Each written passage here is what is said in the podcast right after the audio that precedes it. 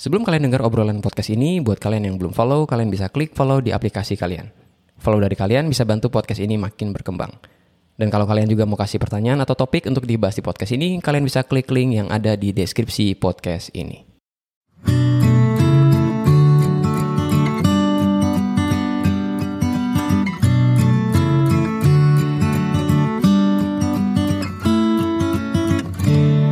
Selamat datang di podcast Pak Kris. Di episode ini gue mau kasih sebuah insight ya tentang eh, hobi jadi karir. Tentang hobi jadi karir ini gue dapetin dari sebuah podcast dari Thomas Frank namanya. Kalian lihat di YouTube, ini orang keren juga. Keren banget bahkan ya. Dia punya channel YouTube dan juga podcast yang menurut gue sangat-sangat insightful.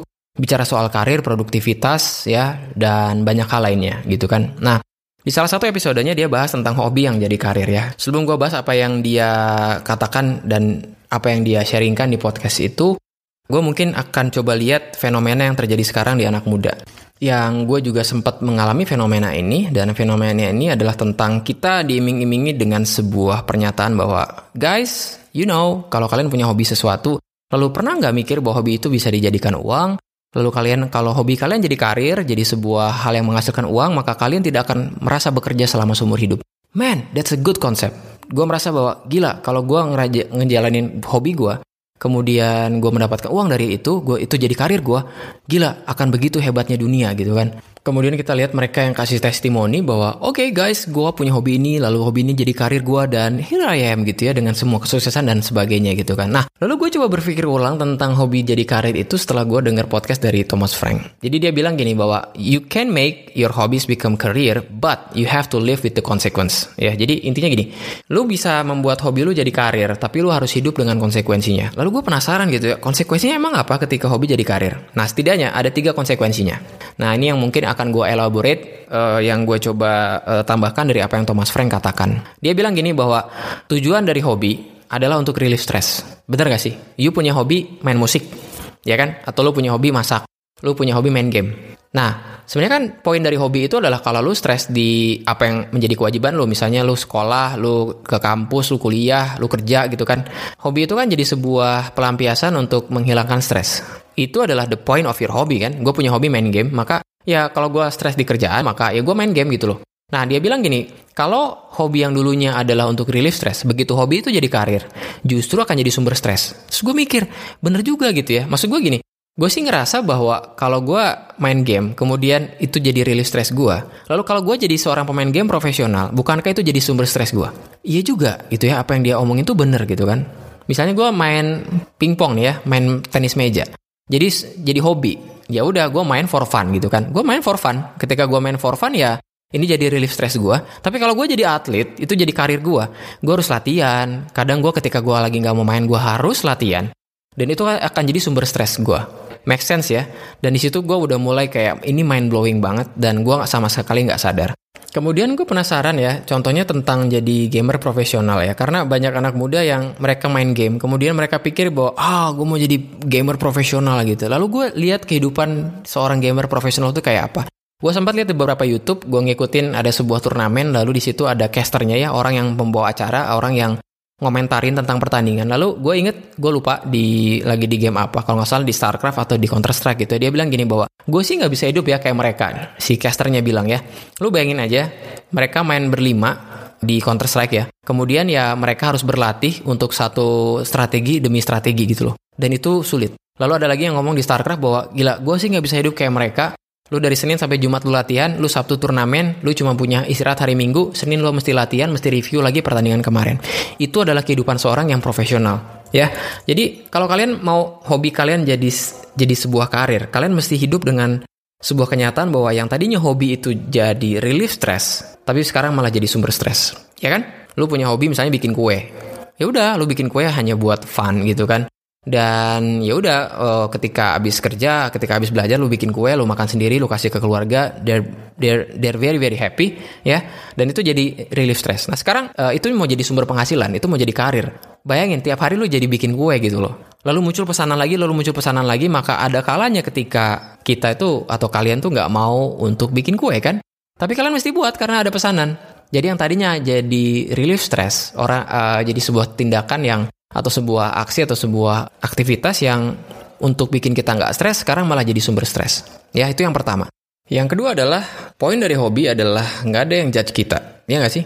Namanya juga hobi gitu ya. Gue punya hobi main game dan nggak ada yang judge gue gitu loh. Ya kayak ya lu nggak bagus di sini, nggak bagus di hobi ini dan ya so what gitu kan. Nah waktu hobi jadi karir, you will be judged by some kind of standard. Ya karena yang namanya karir pasti punya standar. Ya contohnya lagi jadi gamer ya, yang tadinya game jadinya hobi, lalu sekarang udah jadi karir, maka ada grade yang lu ikut turnamen ini, lalu lu menang, lu naik lagi ke turnamen uh, yang lain, maka kan ada standar gitu loh yang tadinya main uh, musik jadi sebuah hobi, tapi karena jadi sebuah karir, maka main musiknya udah harus jadi profesional. Kan gitu ya?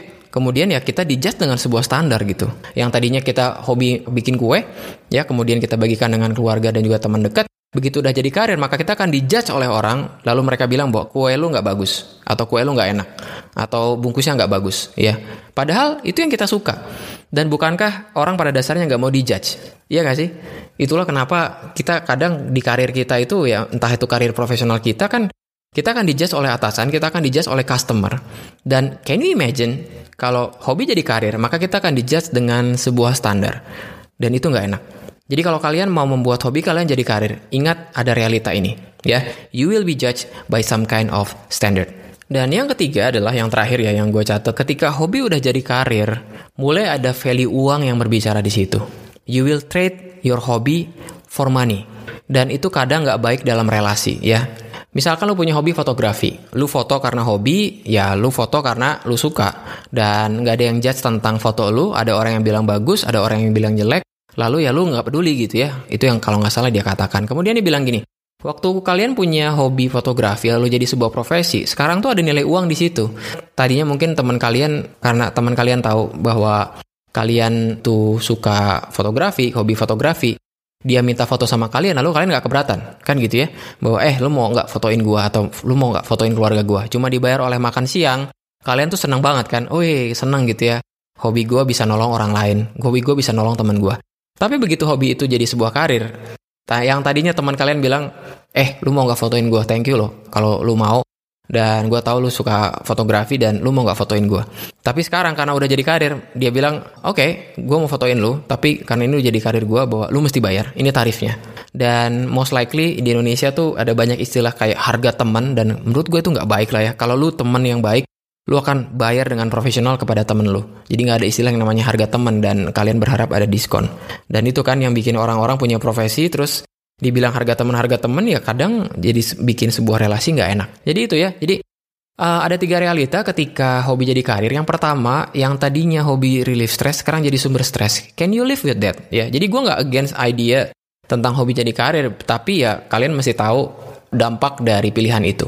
Ya, tadi yang pertama ya, yang tadinya relief stress jadi sumber stres. Yang kedua, kalian akan dijudge dengan sebuah standar. Dan pada dasarnya kita nggak suka dijudge, ya. Tapi itulah itu adalah realita ketika kita punya karir, ya. Lalu yang ketiga, kita akan menukar karir itu menjadi sebuah uang. Kita akan menukar value dari karir itu menjadi sebuah uang yang tadinya hobi kalian lakukan dengan sebuah kesenangan, nggak ada nilai uang di situ, sekarang ada nilai uang dan kadang itu bikin relasi jadi a bit a bit awkward. Jadi tentang realita hobi jadi karir ini adalah sebuah sikap atau sebuah pandangan yang gue coba gospelkan atau yang gue coba omongkan kepada anak-anak SMA khususnya ketika mereka sedang melihat karir ya. Lalu di salah satu slide-nya kadang gue bilang bahwa hobi jadi karir, lalu gue kasih tanda tanya, kemudian gue kasih tanggapan ini dan mulai muncul kontroversi banyak anak SMA bahkan orang tua yang bilang bahwa oh iya gue dulu bila uh, dikasih tahu soal hobi jadi karir lalu gue akan selalu happy gitu kan it's not gonna happen guys ya. Lo harus hidup dengan konsekuensi ketika hobi udah udah jadi karir. Yang tadinya buat relief stress sekarang jadi sumber stres kita akan dihakimi atau kita akan dijudge oleh dengan sebuah standar ya. Kemudian kita akan menukar itu dengan uang dan kadang itu akan bikin uh, relasi menjadi sangat-sangat awkward ya jadi itu pandangan gue tentang hobi jadi karir. Jadi menurut gue, let hobbies just hobbies gitu ya. Biarkanlah hobi jadi hobi. Karena poin dari hobi adalah kita melakukan itu dengan senang, nggak ada yang hakimi kita, dan kita nggak ada pressure untuk make money dari situ. Biarlah hobi jadi hobi ya. Jadi kalau kalian tetap ingin membuat hobi jadi karir, lalu kalian beranggapan bahwa oke okay, gue akan hidup dengan senang, itu mungkin akan terjadi sama kalian. Tapi saran gue lebih baik kalian cari hobi lain. Beneran, yang tadinya mungkin hobi kalian adalah bikin kue, lalu setiap hari sekarang harus bikin kue. Sekarang kalau kalian stres mau ngapain coba? Bayangin aja ya. Kalian main musik karena kalian lagi stres ya, kalian main musik tapi kalau kalian jadi pemusik profesional, tiap hari udah latihan, hampir mungkin dua hari sekali kamu kon uh, kalian konser gitu kan. Pas pulang-pulang pengen relief stres, tapi jadi balik lagi main musik, wow, kayaknya itu bukan ide yang baik. Ya, so itu insight gue tentang hobi jadi karir ya, yang selalu akan gue sampaikan kalau gue diminta untuk ngomong ke anak SMA kalau ke anak SMP tentang milih jurusan kuliah atau milih karir. Oke, okay? so that's my insight for you guys. Thank you for listening dan sekali lagi kalau kalian ada pertanyaan atau ada apresiasi tentang podcast ini, sekali lagi silakan masuk ke website pribadi saya di www.christianferdinand.com. Di situ ada notes yang bisa kalian isi Kemudian ada voice voicemail juga, kalian tinggal klik di situ, kemudian kalian rekam suara kalian. Nanti suara kalian dan juga uh, pertanyaan kalian berupa tulisan itu akan saya bahas di podcast di edisi khusus ketika saya menjawab pertanyaan kalian. Oke, okay? thank you for listening. I'll see you guys later. Kalau kalian dapat value atau manfaat dari podcast ini dan ingin say thank you, kalian bisa support podcast ini dengan mentraktir Pak Kris dengan klik link yang ada di deskripsi podcast ini. Terakhiran kalian akan sangat berarti untuk podcast ini tetap running dan bantu orang-orang untuk stay productive. I'll see you guys later dan stay productive.